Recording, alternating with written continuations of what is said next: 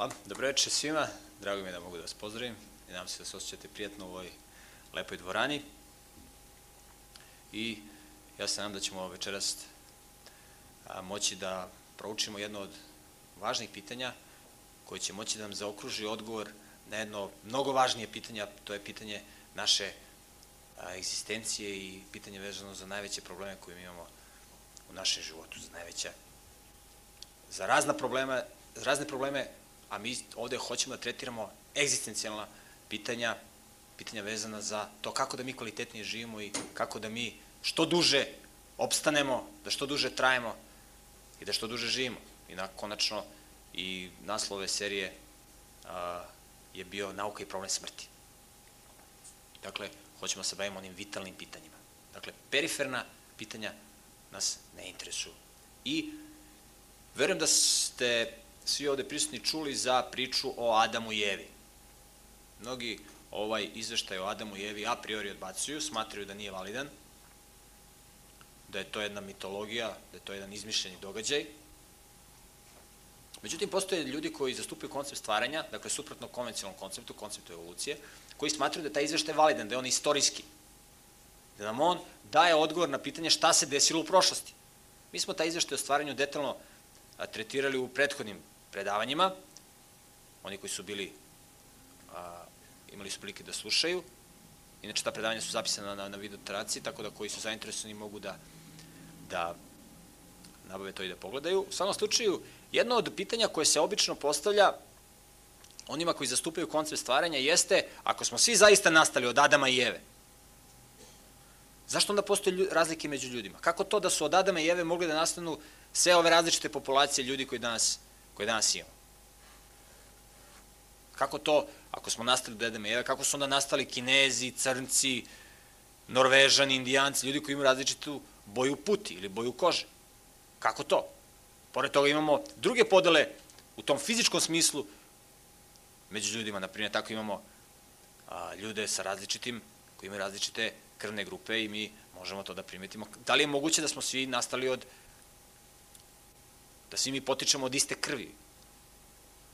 Mi ćemo ta pitanja tretiramo. Postoji različita druga pitanja vezane za te fizičke razlike, za te spoljašnje razlike među ljudima. I a, mi ćemo videti da glavna razlika koju, kojom bi mi trebali da klasifikujemo ljude jeste karakter. Ono što je, zapi, ono što je u nama. Ne ono što je spolja, ne spoljne manifestacije, nego unutrašnje manifestacije. I mnogi ljudi danas smatraju da je između ostalog boja kože, dakle na spoljna manifestacija, kriterijum na osnovu koga će oni da vrednuju kakav je neko. I zaista, zabluda je intelektualna potreba svakog onog čoveka koji hoće da se ponaša destruktivno, koji hoće da se ponaša nemoralno. Ako neko hoće da se ponaša nemoralno, on mora da ima zabludu kojom će da umiruje svoju savest. Da to što radi, treba da radi. I vi znate da danas postoji još uvek organizacija Ku Klux Klan koja proganja one koji imaju crnu boju kože. I oni sigurno imaju odgovor na pitanje zašto to rade. Kad dođe jedno malo dete koje je neiskreno i pita ih zašto vi to radite, sigurno da oni daju neki odgovor. Taj odgovor je verovatno zasnovan na iracionalnim argumentima, ali oni ga daju. I onda se kaže, verovatno, oni su, njih je Bog obeležio da su crni zato što su, naj, rađuju se najgrešniji ili tako postoji neka, neko objašnjenje koje je nevalidno, ali ga oni, oni ga upražnjavaju. I obično kritika na račun koncepta stvaranja jeste to kako to da su kako to da, da od Adama i Eve svi potičemo kad imamo tolke vrste ove, ljudi sa različitom bojom kože. I obično, kada tretiramo to pitanje, ako bismo otišli, na primjer, u Afriku, videli smo tamo ljudi obično skiciraju događaje iz istorije, i kada bismo pogledali njihove slike, Adama i Eve, videli bi da Afrikanci crtaju Adama i Evu kao da imaju crnu boju kože. Kinezi ih crtaju da su žuti sa kosim očima. Norvežani ih naravno crtaju sa belom puti, indijanci ih crtaju da su crveno košci i tako dalje i tako dalje. Međutim, a, kakve je boje kože bio Adam, ako je zaista postojao, kao što tvrdi koncept stvaranja? Mi smo iznosili puno činjenica u prilog koncepta stvaranja. I da li je moguće da su od Adama i Eve nastali, nastale sve različite boje koža koje danas vidimo na planeti Zemlji? Da bismo razumeli ovu, ovaj problem i da bismo mogli da uđemo u njega, moramo da tretiramo neke fenomene koji postoje danas u živome svetu. Oni se ne odnose samo na, na ljude, odnose se i na životinje. Zašto crnci baš žive u Africi? Zašto? A Norvežani žive tamo u, Skendi, u ljudi sa belom bojom puti žive tamo u Skandinaviji. Zašto? Uglavnom.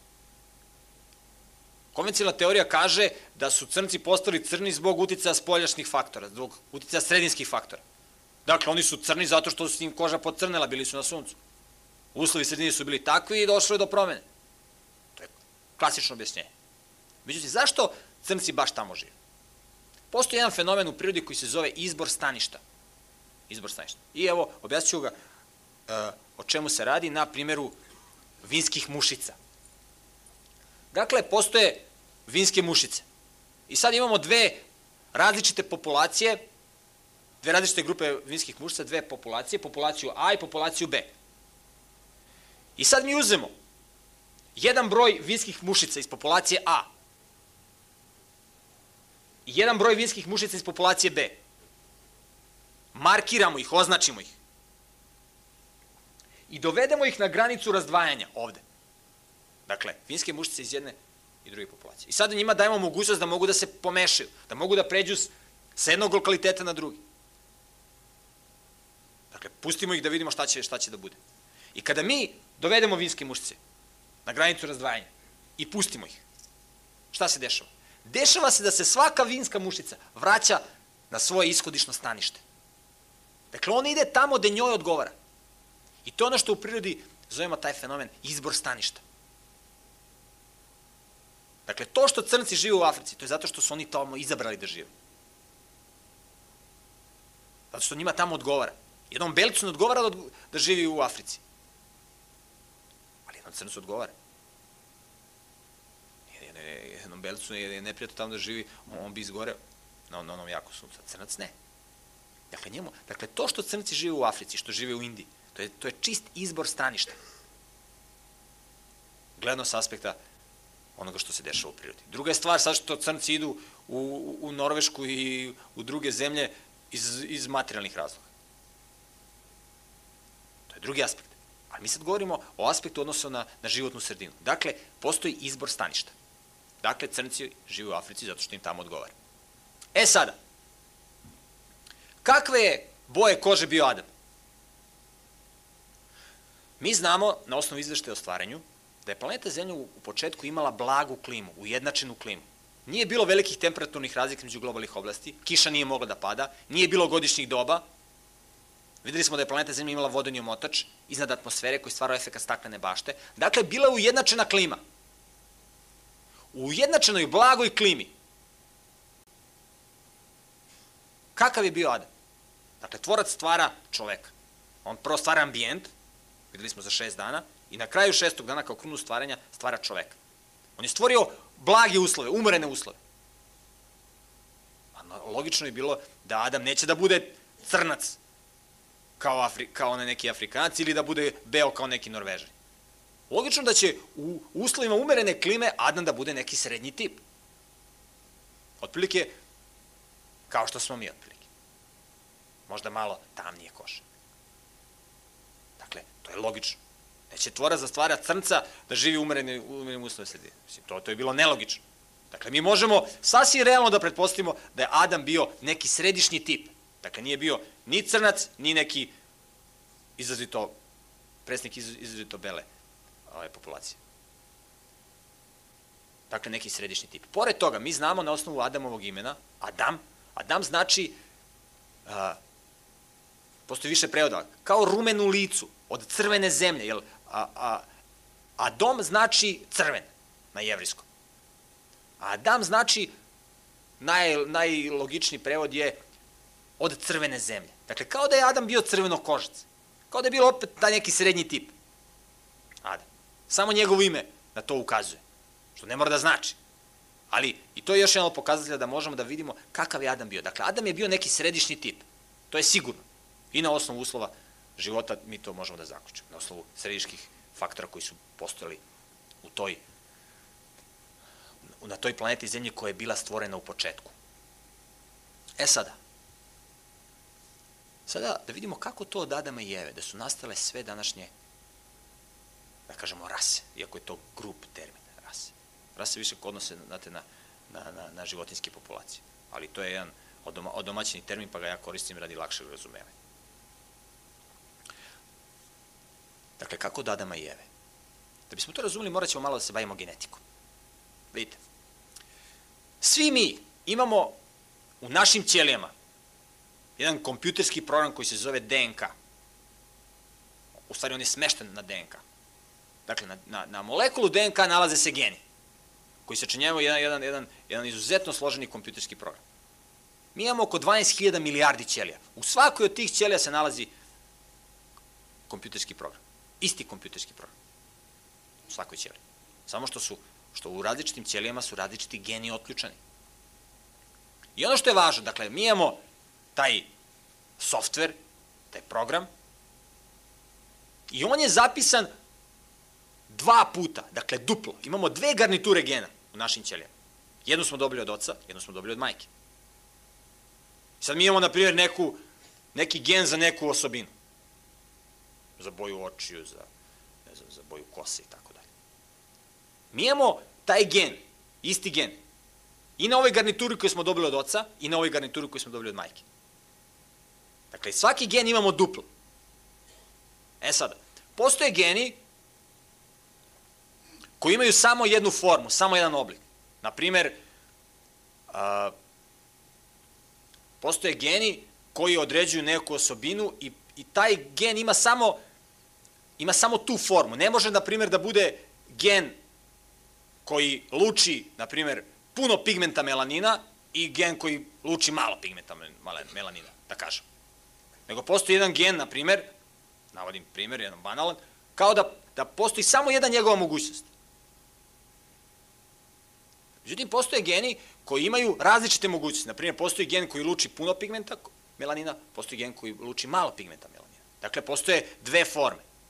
Kod nekih osobina postoji, na primjer, da postoje tri forme gena. Dakle, ima jedan koji ima veliki doprinos, jedan ima neki srednji doprinos, neki ima mali doprinos.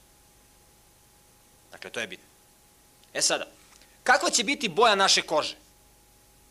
Zavisi od toga koliko se proizvede pigmenta melanina. Što više imamo pigmenta melanina, to nam je koža tamnije. Što imamo manje pigmenta melanina, koža nam je svetlija. Albino jedinke, znate oni beli, sa belim obre, albino, oni nemaju uošte pigment, oni, oni su nepigmentirani. I sada, mi imamo gen za koji će da produkuje pigment melanin. Taj gen ima dve forme. Može da bude gen koji produkuje puno pigmenta melanina, a može da bude gen koji produkuje malo pigmenta melanina. I sada, kada govorimo o boji kože, ne zna se tačno, ali tri ili četiri gena postoje u našem lancu DNK koji se koji se tiču i koji se bave pitanjem naše pigmentacije, pitanjem produkcije, proizvodnje pigmenta melanina. Dakle, tri ili četiri gena. Sad imate tri ili četiri gena od oca, od majke. Ovaj gen može da produkuje malo pigmenta, isti taj gen od, oc, od majke može da produkuje puno. Ovaj može da produkuje malo, ovaj, i sad tu postoje razne kombinacije. Tako da postoje ljudi različite pigmentacije, različite boje kože. Kod onih najcrnijih crnaca imate da, da sva četiri gena u obe forme, i kod oca i kod majke, produkuju veliku količinu pigmenta melanina i dobijemo crnu jedinku. Kod srednjeg tipa bi imali da četiri gena produkuju puno pigmenta, četiri gena da produkuju malo pigmenta. I one gene koji produkuju puno pigmenta označit ćemo velikim slovom, a one gene koji produkuju malo pigmenta označit ćemo malim slovom. I sada, Ako je Adam bio srednji tip, kako su izgledali njegovi geni za pigmentaciju, za proizvodnju pigmenta melanina? Radi lakšeg objašnjenja ove problematike, uzet ćemo da je Adam imao samo, da su Adam i Eva imali samo dva gena za produkciju pigmenta melanina. Dakle, samo dva gena koja se tiču boje njihove kože. I evo kako, kako bi to izgledalo. Dakle, Adam ima dva gena koji treba da proizvode pigment melanin, u zavisnosti od toga vidjet ćemo kako je njegova boja kože. Mi smo rekli da je Adam bio srednji tip. Dakle, imamo gen A, imamo gen B. Od oca od majke, od oca od majke. Je li tako? Pošto je on srednji tip, imamo gen veliko A, odnosno veliko B, koji produkuje puno pigmenta melanina, imamo gen malo A, odnosno malo B, koji produkuje malo pigmenta melanina. Tako da imamo neki središnji tip. Kada bi bilo veliko A, veliko A, veliko B, veliko B, bila bi velika produkcija pigmenta melanina i to je bio, onda bi bilo da je Adam bio crnac. Dakle, Adam je bio srednji tip. Eva je takođe bila srednji tip. Kao što znamo, Eva je stvorena od Adama. Dakle, kao da je Adamova genetska potka uzeta i onda stvorena Eva. Dakle, Eva je takođe bila središnji tip. Živala je u istim uslovima sredini i to je logično. Konačno stvorena od Adama. I sada, treba da dođe do začeća njihovog deteta. Dakle, oni treba da, da imaju sad potomstvo. I sada, da bi nastalo potomstvo, opet, polovina genetičkog materijala će ići od Adama, polovina od Eve. Dakle, jedan od ova dva gena će se preneti potomku i jedan od ova dva gena će Adam preneti svom potomku. Isto tako i Eva, jedan od ova dva gena. I sad, koje su sve mogućnosti, gledano na boju kože, na pigmentaciju, da će biti njihov potomak? Kakav njihov potomak sve može da bude? To zavisi od toga, dakle, kakve sve kombinacije imamo od Adama, odnosno od Eve. Dakle, Adam može, odnosno on će na svog potomka preneti od gena A, na primjer, koje su sve mogućnosti? Može malo A, od gena B malo B. Može malo A, veliko B. Veliko A, malo B, veliko A, veliko B. Dakle, to su sve mogućnosti koje Adam može da prenese, koji je središnji tip, pazite, on je središnji tip, on to može da prenese na svoje potomstvo. Isto to i Eva može da, da prenese na svoje potomstvo. Dakle, to su mogućnosti. I sada gledajte kada ukrstimo sve ove mogućnosti, potencijalne mogućnosti koje Adam i Eva mogu da prenesu svoje potomstvo. Šta dobijamo? Pogledajte. Naprimer, ako se desi da Adam prenese malo A, malo B i Eva malo A, malo B, dobijamo da će biti četiri gena, da kažemo, četiri forme, koje će davati veoma malu produkciju pigmenta melanina. Tako da će njihov potomak biti veoma bele boje kože. Kao današnji Norvežani. Ako, na primjer, bude malo A, malo A, veliko B, veliko B, bit će neki središnji tip. Ako bude ova kombinacija, veliko A, veliko B, veliko A, veliko B, dobit ćemo da, je, da će potomak Adama i Eve, iako su oni središnji tip, biti crn kao oni crnci u Africi. Ali pogledajte vi, ako samo dva gena učestvuju, mi smo uzeli dva gena radi uopštavanja, imamo pet fenotipskih klasa, dakle pet mogućnosti različite boje kože. Dakle, imamo, pogledajte, jednu, dve, tri, četiri, pet.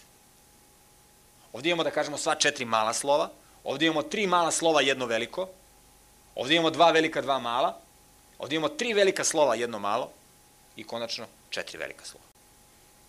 Dakle, od Adama i Eve mi dobijemo kompletnu paletu.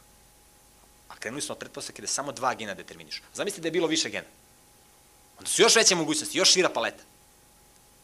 Plus sredinski činjoci koji dodatno utiču na pigmentaciju. Ali mi već genetski možemo da pokažemo, pogledajte kakva raznolikost. Pet fenotipskih klasa, pet različitih, šta je fenotip? Ono što mi vidimo, to je fenotip. Genotip je ono u našim genima. A fenotip je geni plus okolina. To je fenotip, to je ono što mi vidimo kod drugih. Dakle, od Adama i Eve mi dobijemo sve rase. Grubo rečeno rase. Dakle, sve boje puti koje danas imamo. Dakle, od Adama i Eve prostom genetikom. Za ovo nije potrebno da idemo na neke kurseve iz genetike da bismo razumeli. Potrebno samo malo logike. Mi vidimo da od Adama i Eve nastaju sve vrste boje koža koje danas imamo na planeti Zemlji. Dakle, od Adama i Eve su zaista mogli da nasnu, mogli da nasnu sve ljudske rase. Dakle, to kakvu mi boju kože imamo, to nema nike veze sa tim kako ćemo mi da se klasifikujemo. Dakle, nije boja kože kriterijum kako mi da se klasifikujemo. Postoji, postoji druga klasifikacija. A to je karakter. Karakter, karakter je najvažnija klasifikacija o kojoj govori koncept stvaranja.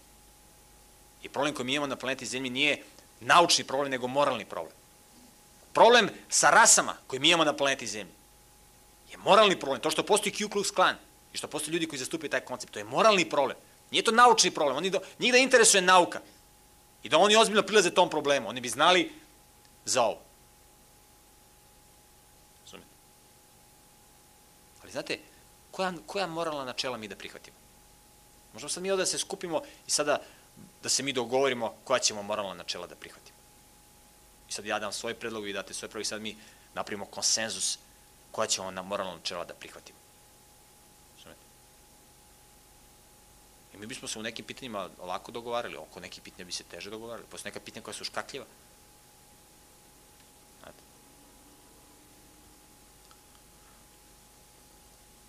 Kad bismo, na primjer, pokrenuli pitanje konzumiranja lakih droga, takozvanih lakih, znate, tu se ne bi baš složili svi, zato što to mnogi upotrebljavaju. Ili kad bismo dotakli neka druga pitanja, sad ja ovde spominjem, a mi ćemo ovde o tim pitanjima da govorimo, detaljno. To su vrlo važna pitanja. Znate, ne postoje periferna pitanja vezana za, za, za naš život i za naš karakter. Znate, nema tu pitanje između. Postoje pitanja, pitanja koja su vezana za moralna načela, su vitalna pitanja, životna pitanja. Razumete? I zato je bitno da mi znamo ko je moralni autoritet. Jer pazite, od toga koliko mi poštujemo moralna načela, od toga zavisi kako ćemo kvalitetno da živimo. Pa ne mogu da kažem šta me briga, kaže šta tebe briga što sam ja homoseksualac, šta tebe briga? Pa briga me. Zbog toga što, što ćeš ti da se zaposliš, te radiš kao, kao učitelj u školi. Pa ja neću da predem tvom detetu, ja ću da predem nekom drugom, pa ti, ti nećeš da predeš mom detetu, a ćeš da predeš nekom drugom detetu koga ćeš da naučiš to što ti radiš. Pa će on sutra da maltretira ljude oko sebe. Šta tebe briga šta ja radim u ovom dvorištu? Šta tebe ja radim u ovom On baca đubre u svoje dvorište. Ali to meni smrdi. Razumete? To je moralno, moralni problem. Ne može da kažem ja živim autonomno. Razumete? A koja su moralna načela? Sad se mi skupimo i sad mi napravimo moralna načela. Zamislite, skupe se pijanice pa naprave šta je moralno, šta nije moralno. To bi bilo, to je, to, oni, bi, oni bi dali neki moralni kodeks. Ali znate ko određuje, znate šta je moralni zakon? Moralni zakon je zakon po kome život se odvija. Moralni zakon određuje onaj koji je stvorio čoveka. Razumete? Ali zato što su moralni principi visoki. Moralni principi koje je dao tvorac. Zato mi nećemo, zato mi nećemo koncept stvaranja. Zato što ako vi prihvatite koncept stvaranja, vi automatski imate moralnu obavezu da, da, da prihvatite zakon po kome se život odvija. Zato ljudi neće koncept stvaranja. Razumete? Ali zato je, ali pitanje poštovanja moralnog zakonja, zakona je pitanje života ili smrti. Ako mi poštujemo moralni zakon, mi ćemo da živimo. Ako mi ne poštujemo zakon, mi idemo u smrt. Nema između. Zato mi tretiramo ova pitanja. Zato, mi, zato što su ova pitanja koja se postavljaju. Zato što su ovo pitanja koja potežu ateisti, kažu koncept stvaranja nije validan. Nije validan koncept stvaranja, nije validno ni ono tamo što piše vezano za moralne, moralna načela. Kako ćemo da osporimo moralna načela koje je dao tvorac? A tvorac je dao u pisanoj formi. Tako da mi ne možemo da kažemo nisam znao, otup, otupila mi savest. Otupila ti savest. Imaš u pisanoj formi. Imaš u pisanoj formi. Ako ti je otupila savest, možeš da pročitiš, da se informiš. Kaže, nepismen sam, nepismen sam. Imaš savest.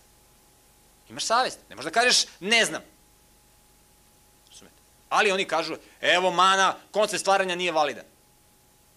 Pošto koncept stvaranja nije validan, od Adama i Eve ne mogu da nastanu sve rase, čim nije validan koncept stvaranja, izveštaj o stvaranju, kako da, mogu da verujem da je, da je validan moralni zakon koji je dao tvorac?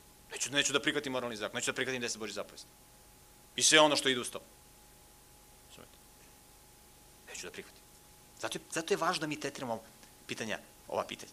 Sutra neko da postoji pitanja kaže, pa kakav ti koncept zastupaš? Jer postoji izuzetno moćna i snažna ateistička propaganda protiv koncepta stvaranja. Vi upalite televizor, tamo vidite reklamu na MTV-u, razumete Adam i Eva, ismejavanje, grupiranje. Vi kažete kakav kon. Zato je jako teško govoriti o konceptu stvaranja, zato što je on veoma iskompromitovan od strane ateista.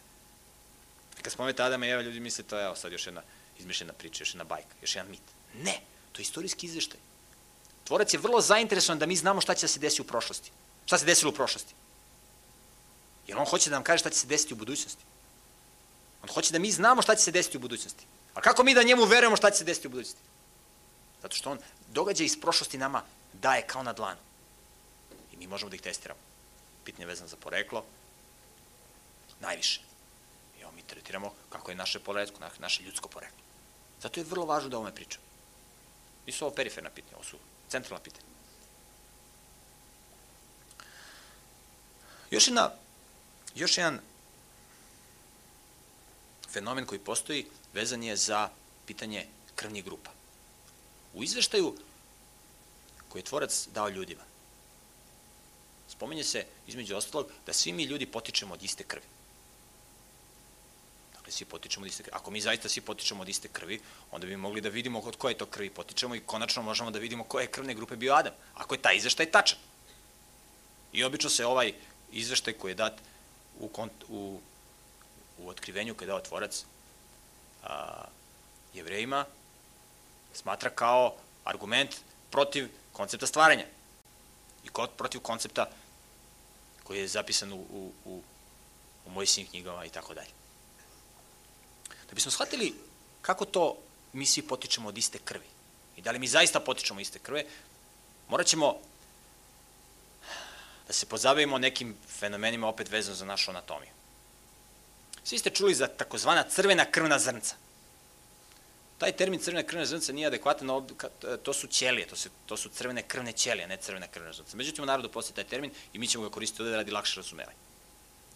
Za crvena krvna zrnca je vezano ono o čemu ćemo sad u nastavku govoriti, odnosno vezano za krvne grupe. Danas postoji 35 različitih načina kako se krv grupiše. Dakle, postoji 35 a, sistema klasifikovanja krvi.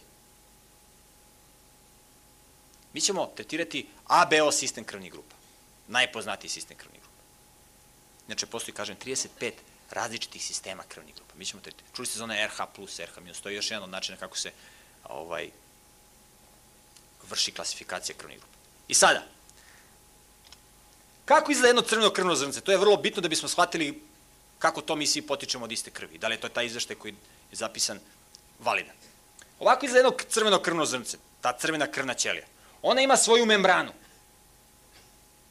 I u toj membrani, između ostalog, nalazi se jedan nosač, nalazi se jedan protein koji predstavlja nosač, eto tako. Vidjet ćemo šta on nosi. On nosi jedan šećer posle.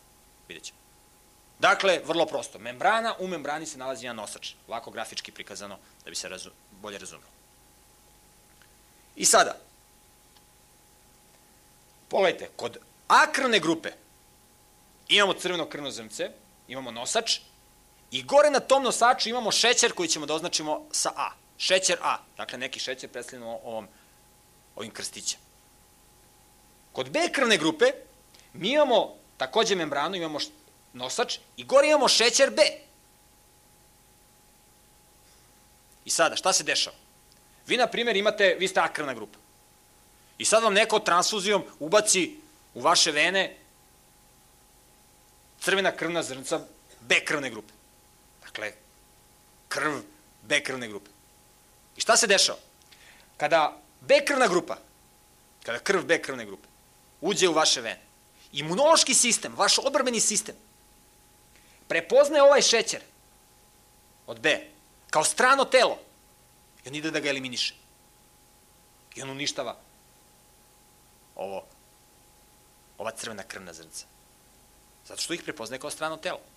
Međutim, kada vi unesete A krvnu grupu u vaš, u, u vaš krvni sistem, imunološki sistem to prepoznaje kao, ne prepoznaje kao strano telo i nema nikih problema. Dakle, razlika je samo u ovom šećeru. Pogledajte kako to izgleda kod svih kombinacija vezano za krvne grupe. Dakle, kod A krvne grupe imamo krstić, dakle jedan šećer, Kod B krvne grupe imamo jedan, da kažemo, trougao, dakle jedan drugi šećer. Kod nulte krvne grupe nemamo taj šećer. Nemamo ga. A kod AB krvne grupe imamo da na nekim nosačima imamo šećer, da kažemo šećer A, a na nekim nosačima imamo šećer B. I sada lako možete da uočite o čemu se radi kada se dobija vezano za, kada, kada dobijemo transfuziju. Dakle, nulta krvna grupa.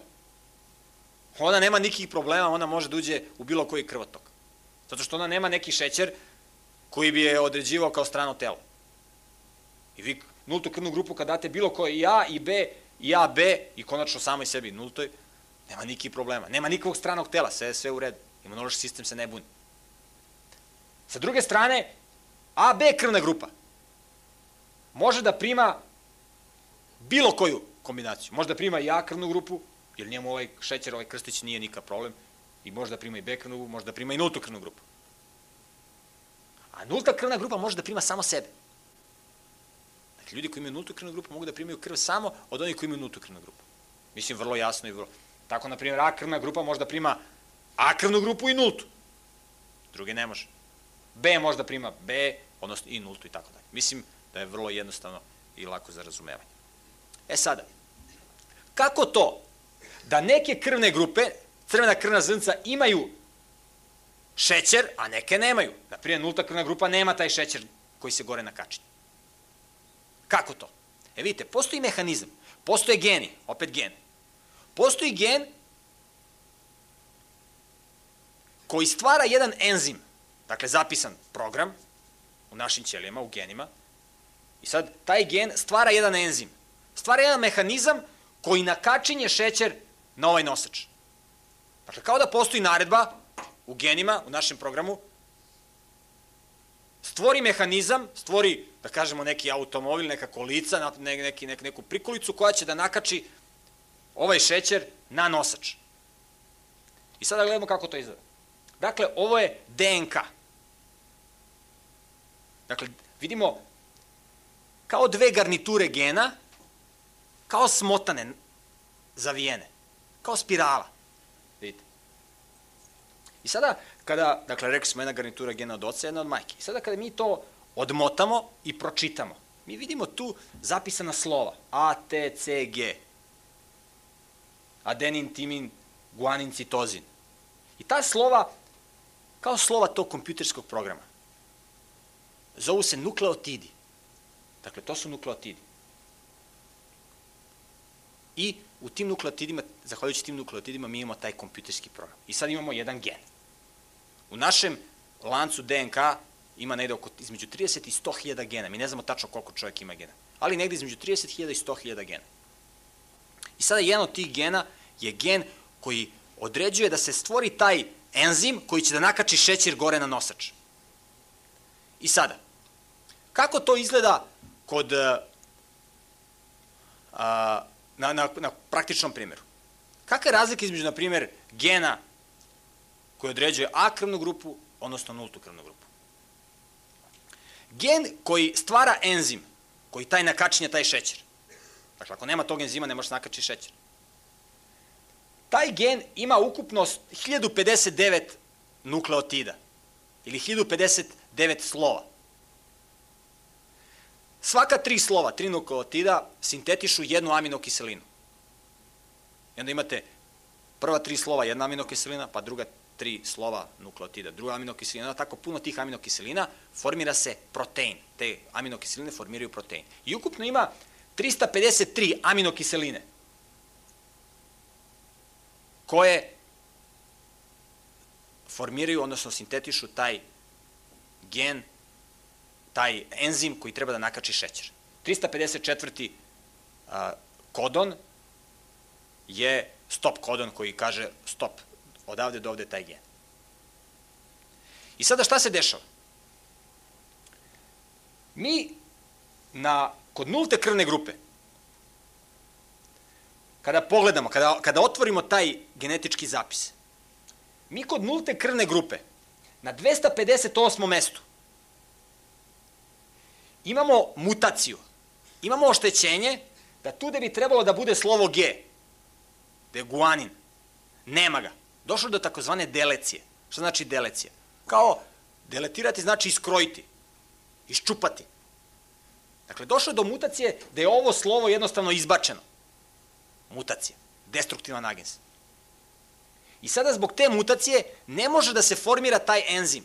Ne mogu da se formiraju te aminokiseline da bi se formirao taj enzim koji će da da nakači taj šećer. Dakle, o čemu se radi? Na primjer, imamo dakle sekvence po tri slova, po tri nukleotida, koji formiraju jednu aminokiselinu. Dakle, A, T, G, ovo je kod A krvne grupe. Pa A, C, G i tako red. Međutim, kod nulte krvne grupe došlo do delecije, tako da ovde fali G. I ne može da se formira aminokiselina sačinjena od nukleotida A, T i G, koje oni determinišu. I sa šta se dešava? Umesto da se da imamo aminokiselinu ATG, koju sintetišu ova tri nukleotida, mi imamo ATA. Dakle, preskače se jedno mesto. I kompletan, kompletna informacija se, se remeti, dolazi do formiranja stop kodona i ne može da se, da se stvori enzim koji će da nakači šećer na, na onaj nosač. Sada pogledamo kako izgleda B krvna grupa. Dakle, u odnosu na A krvnu grupu, nulta krvna grupa ima na ovde ovo na 258. mestu, ima deleciju. Međutim, šta imamo kod B krvne grupe? Kada je opet uporedimo sa A krvnom grupom, imamo da se na četiri mesta, evo označeno plavom bojom, na četiri mesta postoji razlika u nukleotidima. Na četiri mesta. Međutim, ova razlika nije tako velika da ne može da se sintetiše enzim. Bez obzira što postoje razlike, i A, gen za A krvnu grupu i za B krvnu grupu u stanju je da sintetiše enzim, samo što ovaj nakačenje šećer A, a ovaj nakačenje šećer B. Dakle, jedan i drugi su funkcionalni. E sada, pitanje se postavlja. Koja je krvna grupa ishodišna? Jer kad pogledamo na 258. mestu i kod gena A i kod gena B, imamo da je guanin. I sada, da li je ishodišna grupa A ili B? Nulta je u svakom slučaju mutirana jedna od ove dve. Koja je ishodišna krvna grupa? To ćemo najlakše moći da otkrijemo tako što ćemo da vidimo na nultoj krvnoj grupi šta se nalazi na ova četiri mesta u kojima se razlikuju A i B, gen za A i B krvnu grupu. Kada pogledamo ta mesta, dakle 523, 700, 723 i 800 mesta u nukleodidnoj sekvenciji, kod nulte krvne grupe, vidimo da nulta krvna grupa, tu ima nukleotide, iste kao i gen za A krvnu grupu. Znači, od A krvne grupe je nastala nulta krvna grupa. I A krvna grupa je ishodišna grupa. Dakle, mi možemo da vidimo koja je ishodišna grupa. Postoji teoretska mogućnost da je od B krvne grupe došlo do mutiranja ova četiri mesta, pa je nastala A, pa od A nulta. Samo ta verovatnoća je mnogo, mnogo manja.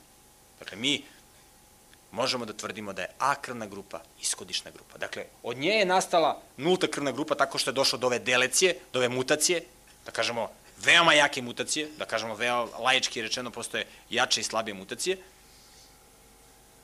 Tako da, nulta krvna grupa, gen za nultu krvnu grupu ne može da sintetiše ovaj šećer.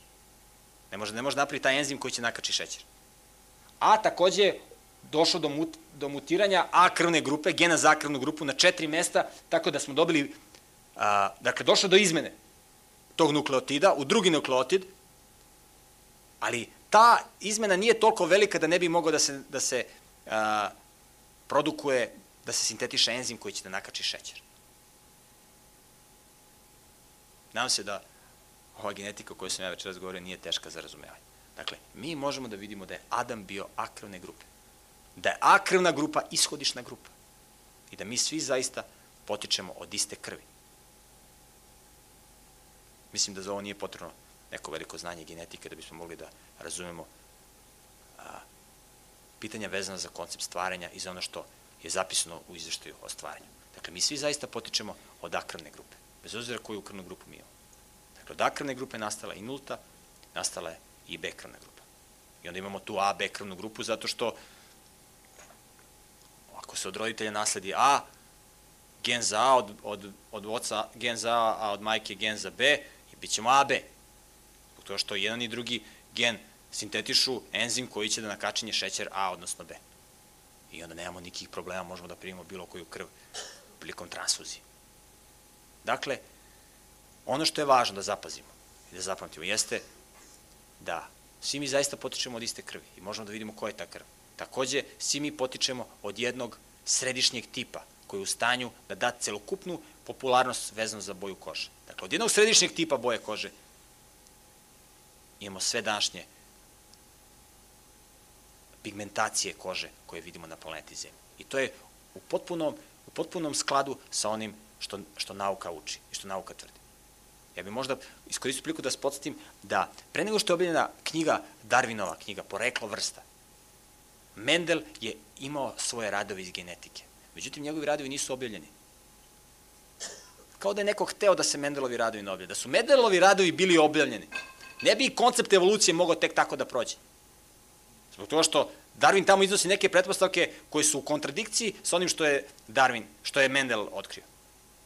I tek početkom 20. veka je, a, su Mendelovi zakoni bili obelodanjeni na, na pravi način i, i, i došli do, do, do, njihove, do njihove pune afirmacije. To je vrlo bitno. Dakle, mi možemo da imamo potpuno poverenje u ono što iznosi koncept stvaranja. Dakle, koncept stvaranja je naučno validan. Zašto je to važno? Zato što koncept stvaranja želi da nam ukaže na nešto mnogo važnije, a to je na moralni kodeks, na, kod, na, na, na problem koji mi imamo danas na planeti Zemlji. Problem koji mi imamo na planeti Zemlji je moralne prirode. Dakle, sav izveštaj o stvaranju i sve naučne činjenice koje potvrđuju se o stvaranju treba da budu afirmativne za koncept stvaranja da bismo na njega mogli da obratimo pažnju, da bismo njemu mogli da damo poverenje po pitanju moralnih načela. Jer zakon kvalitetnog života je moralni zakon. Onoliko ćemo kvalitetno da živimo koliko živimo u skladu sa moralnim načelima. To je bitno. Naš glavni problem nije to što mi živimo u siromašnoj zemlji. Mi uopšte ne živimo u siromašnoj zemlji. Naš glavni problem, ne samo problem čoveka ovde u ovoj zemlji, nego problem čoveka u bilo kojoj zemlji, je moralni problem. Što pre to shvatimo, to je bolje za nas. To ćemo pre da se okrenemo rešavanju problema koje imamo. Mi ako imamo problem da smo gladni, da smo žedni, mi ako smo žedni, imamo problem žeđi. Mi nećemo problem žeđi moći da rešimo tako što ćemo uzmemo kofu vode i da se polimo po glavi. Ili tako što ćemo da zidamo kuće. Mi ćemo problem žeđi da rešimo tako što ćemo da, da, da, da popijemo vodu.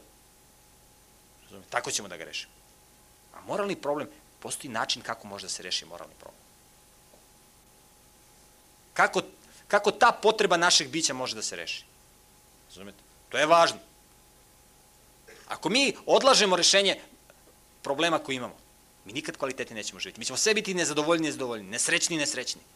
A pojent je da danas kvalitetno i srećno živimo.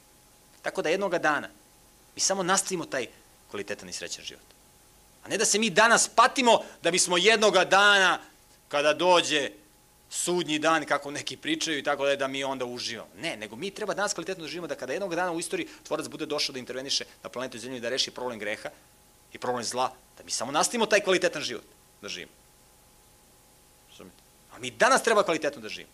I mi imamo sve uslovi, sve mogućnosti, ako smo ozbiljni ljudi, da kvalitetno i srećno živimo. Ali zato je potrebno da se upoznamo sa, sa, sa, sa problematikom, da, da, da budemo svesni svoje dijagnoze. Zašto smo mi nezadovoljni? Zašto smo mi nesrećni? Da je naš problem moralni problem. Problem ovoga sveta je moralni problem. A mi možemo da damo poverenje tom konceptu i možemo da prihvatimo moralna načela koja, koja nam je dao tvorac u pisnoj formi, zato što možemo taj, taj koncept da testiramo naučno. I svaka izveštaj, bez obzira koliko se ateisti smeju i rugaju, mi možemo da, da testiramo naučno i da vidimo da je on validan. Da, da vidimo da je on validan. I mi ćemo u narednim predavanjima, koje će biti već, naredno predavanje će biti 7 dana, mi ćemo nastaviti sa tretiranjem ovih pitanja koja smatram da su vrlo važne. Bez obzira koliko su ona od strane zastupnika konvencionalnog koncepta, odnosno atističkog koncepta, iskompromitovana, odbacivana, ismejavana i tako dalje. Mi ćemo u sledećem predavanju koji nosi naslov pretpotopna civilizacija govoriti o tome kakvi su to bili ljudi koji su živjeli u početku, kada je stvoren Adam. Kakvi su to bili ljudi? Mi smo govorili, ja sam iznosio uh, fotografije fosilnih ostataka ljudi koji su nekada živjeli na planeti Zemlji. Videli smo da su to bili veoma krupni ljudi koji su duže živjeli nego mi. Kako to da su oni tako mogli dugo da žive? Ako, su Adama, ako smo svi nastali od Adama i Eve, to znači da su njihovi sinovi i ceri morali da ulaze u brak u srodstvu. Mi ćemo da tretiramo to pitanje, pitanje incesta, da li je bilo incesta ili, i, i šta je incest. Kako to da su oni tako dugo živjeli, kako pišu u Mojsevom izveštaju, i da je odjednom rapidan pad? Kako su uopšte mogli tako da dugo da žive i zašto je došlo do takvog rapidnog smanjenja životnog veka na ovaj životni vek koji mi danas živimo? Neki kažu, ti izveštaj o, o životu pretpotomnih ljudi, to su vam, kaže, izmišljene priče, ona priča o Kraljeviću Marku. Mi ćemo da vidimo da li su to izmišljene priče. I mi ćemo tretirati to pitanje pretpotopne civilizacije. A onda u onom predavanju, pred, predavanju nakon toga, vidjet ćemo te, e, da li je izveštaj vezan za Nojevu barku istinit ili nije.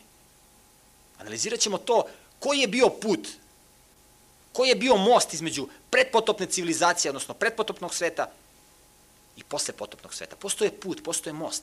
Kako može da se pređe, kako je moglo da se pređe iz predpotopnog sveta u poslepotopni? Mi ćemo to pitanje da tretiramo, zato što je to pitanje između ostalog važno, ne samo da bismo testirali uh, izvešte o stvaranju. Koliko je taj, da li je Nojeva barka i ono što je vezano za Nojevu barku mitologija, ili je to istorija, suva istorija, to je vrlo važno pitanje zato što je pred nama jedan drugi period, kada mi takođe treba da pređemo iz jedne istorije u drugu istoriju. Mi smo imali prelaz iz predpotopne istorije u poslepotopnu. A sad ćemo imati prelaz iz istorije zla, iz istorije patnje, iz istorije smrti, u jednu drugu istoriju. Da toga tamo neće biti.